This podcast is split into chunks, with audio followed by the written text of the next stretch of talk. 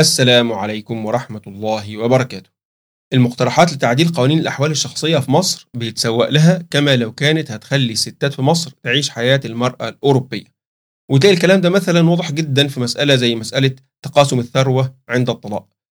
مسألة تقاسم الثروة دي تحديدا أنا رديت عليها في فيديو سابق على القناة هنا هتلاقوا الرابط بتاعه في اللينك هنا أو في صندوق الوصف وكمان اتكلمت عن القوانين دي وصلت للمجتمع الأوروبي كمجتمع لفين في فيديو تاني برضه هتلاقوه في القناة. لكن النقطة الأهم هي إن التعديلات دي لو اتعملت زي ما هي أو حتى نصها فالنتيجة الأكيدة هي عزوف كتير جدا من الشباب عن الزواج واتجاههم للحرام اللي هو واقع المجتمعات الأوروبية النهاردة. فتعالوا النهاردة أديكوا لمحة من واقع المجتمع الأوروبي في قصة حقيقية حصلت حواليا والأهم إنها متكررة مش حالة استثنائية. أحكي لكم قصة بنت ألمانية وعشان أسهل الحكي بس فخلينا نقول إن اسمها هيلجا.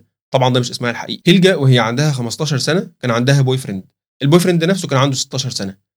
أهلها كانوا متجاهلين الموضوع باعتبار إنها بتعمل زي بقية البنات في سنها يعني وبكرة تكبر وتعقل وتشوف حد مناسب تتجوزه. بس علشان يحافظوا على بنتهم كانوا بيجيبوا لها بانتظام حبوب منع الحمل. لسبب ما بقى هيلجا نسيت تاخد الحبوب أو أخدتها بس ما اشتغلتش الله أعلم واكتشفت البنت اللي عندها 15 سنة إنها حامل.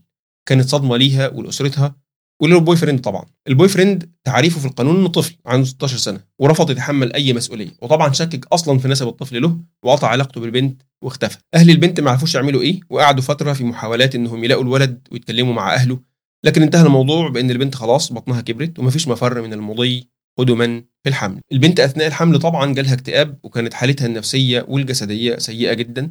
وأهلها شايلين هم الطفل اللي هم مضطرين يربوه وهم أصلا ما خلفوش غير بنت واحدة بس علشان مش عايزين يشيلوا هم طفل تاني وهم لسه في شبابهم. هي بقى جاية جايبة لهم طفل وهم دلوقتي في الخمسينات. آخر حل وصلوا له هو إنها تعرض الطفل للتبني بمجرد الولاده وبكده تبقى خلصت منه وأهلها خلصوا منه وده اللي فعلا حصل. بعد ما عرضته للتبني اشتد عليها الاكتئاب وفضلت فترة في المستشفى تتعالج منه لحد ما الدكاترة نصحوها تخرج وتكمل تعليمها وتحاول تستأنف حياتها.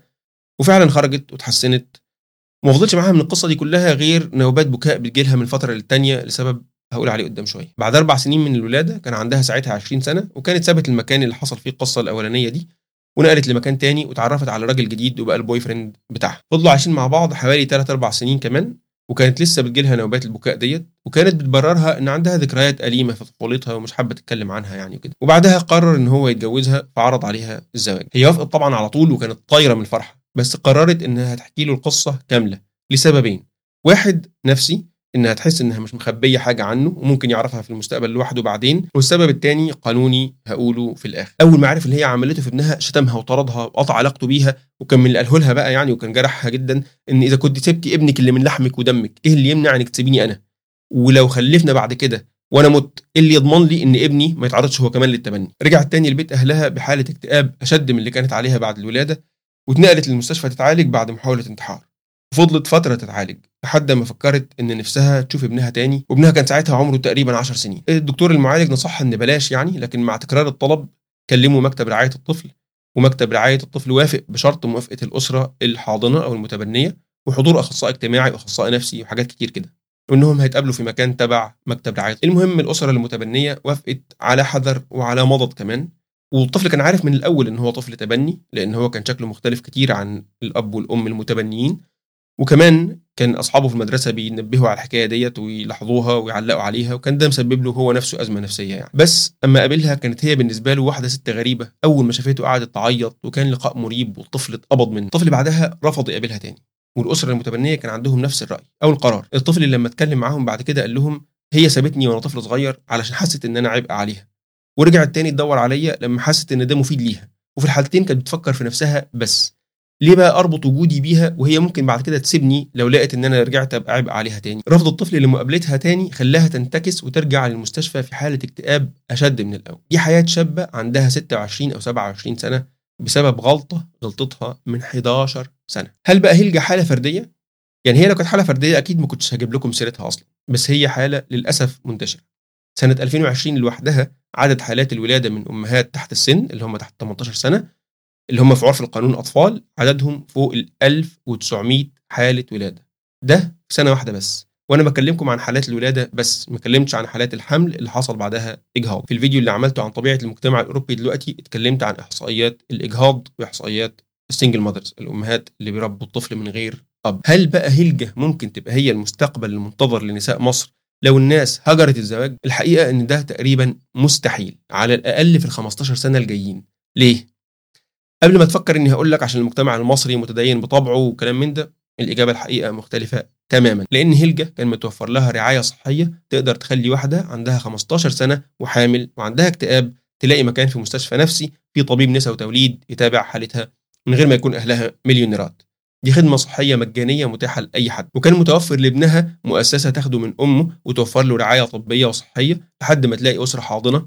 وتقدر المؤسسة دي إنها تقدم للأسرة الحاضنة دعم مادي وتربوي ونفسي في كيفية التعامل مع طفل بالتبني. وكان متوفر لها نظام توثيق محترم يوفر لها فرصة إنها تعرض طفلها لحاجة اسمها تبني نصف مكشوف أوفن أدوبسيون بمعنى إن عندها القدرة على التواصل مع الأسرة الحاضنة عن طريق المؤسسة المسؤولة عن التبني وده اللي سهل عليها فرصة إنها تلاقي ابنها بعد كده وده كان سبب نوبات البكاء اللي بتجيلها لما يبعتوا لها معلومات عن ابنها تحس إن هي كان نفسها تبقى هي اللي بتلعب دور الأم في حياته. وكان متوفر لها نظام ضمان اجتماعي يقدر يوفر لها معيشة وأكل وشرب ورعاية صحية مكلفة جدا لمدة طويلة من غير ما تكون بتشتغل ولا أهلها بيصرفوا عليها. وده كله حصل في نظام قدر إن هو يراكم ثروات مهولة من خلال عشرات السنين من الاستعمار ونهب ثروات الشعوب الفقيرة سواء بطريقة مباشرة زي فرنسا وأمريكا أو بطريقة غير مباشرة زي ألمانيا وخطة مارشال. كل ده وأنا ما جبت سيرة الدين لا من بعيد ولا من قريب.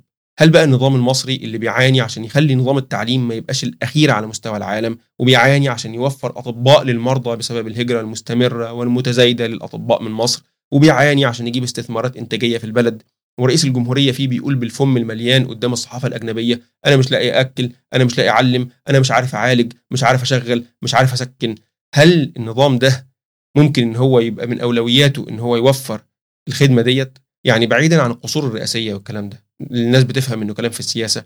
هل النظام عنده المشكلات دي؟ انت متخيلة ان هيبقى من اولوياته ان يوفر رعاية صحية مكلفة لأم جالها طفل وهي مش عايزاه؟ الحقيقة اللي عارفها النظام كويس جدا قبل أي حد إن أي تفكك أسري وانتشار لأولاد الحرام هو بالضرورة عودة لانتشار ظاهرة أطفال الشوارع بموجة أقوى من الأولى وبشكل لا يمكن السيطرة عليه. فلما تيجي مايا رئيس المجلس القومي للمرأة ولا نهاد أبو القمصان تقول لك إحنا عاوزين نبقى زي الغرب ونطبق حق الكد والسعاية وتشرحه لك غلط أصلا عشان تحسسك انها هتغنيكي على قفا الراجل اللي هتتجوزيه. فأحب أقول لك إن النتيجة مش إنك بس هتكتشفي إن محدش بقى عاوز يتجوز أصلا عشان تقسميه فلوسه لكن الأهم من كده إن مع انتشار الحرام هتلاقي نموذج انتشر حواليكي تلجى بالنسبة له أملة. يعني لو القوانين دي اتمررت فعلا بعد عشر سنين من النهارده هلجا هتروح للطبيب النفسي المعالج تقول له أنا عاوز انتحر ومش قادره أستحمل العيشة واللي عايشينها يقول لها حياة إيه دي يا بنتي اللي مش قادرة تستحمليها؟ أنت سمعتي عن حياة الستات في مصر؟ هتقول له الصراحة لا ما, ما سمعتش. فلما يعرفها على واقع الستات في مصر هتتراجع فورا عن فكرة الانتحار وهتقول الحمد لله الذي عافانا مما ابتلى به كثيرا من عباده وفضلنا على كثير ممن خلق تفضيلا. وهتبوس إيديها وش وظهر وتتراجع عن فكرة الانتحار. هل بقى الست المصرية مش مظلومة؟ الحقيقة إنها مظلومة ومظلومة جدا كمان في جوانب كتير. بعض الجوانب دي مظلومة كجزء من ظلم عام وقع على المجتمع المصري كله وبعض الجوانب دي ظلم خاص بالمرأة بس وبعض الجوانب دي خاصة بالمرأة اللي من أسر فقيرة بس.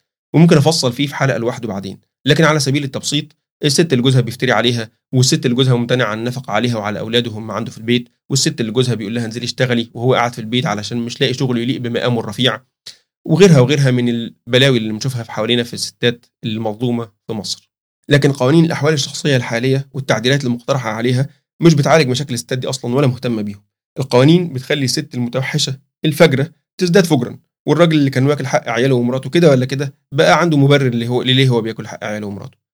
أما ست الكل اللي عاوزة تبني بيت وأسرة وتحافظ عليهم القوانين دي بتخلي المجتمع كله حواليها بيحولها لامرأة تتعرض للهجوم باعتبارها غريبة على المجتمع. اللي عاوزة تعمل بيت وأسرة وتربي عيالها ياكلوا بقرش حلال وتربيهم على إنهم يتقوا ربنا في اللي بيقولوه ويعملوه وياكلوه ويشربوه يبقوا أول ضحايا القوانين اللي بتنفر الناس في مصر من الجواز على الأقل من مصر. فلما تلاقي مايا ولا نهاد بيقولوا لك عاوزين نطور قوانين حقوق المرأة في مصر عشان المرأة المصرية تبقى زي المرأة الأوروبية.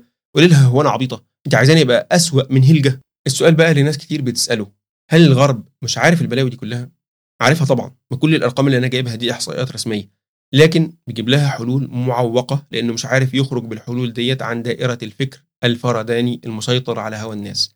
أهم حاجة أنا وبس وأي حد هيحاول يحط قوانين تحد من حريتي مش هنتخبه وبالتالي مش هيبقى في الحكم وبالتالي مش هيبقى له سلطة التشريع.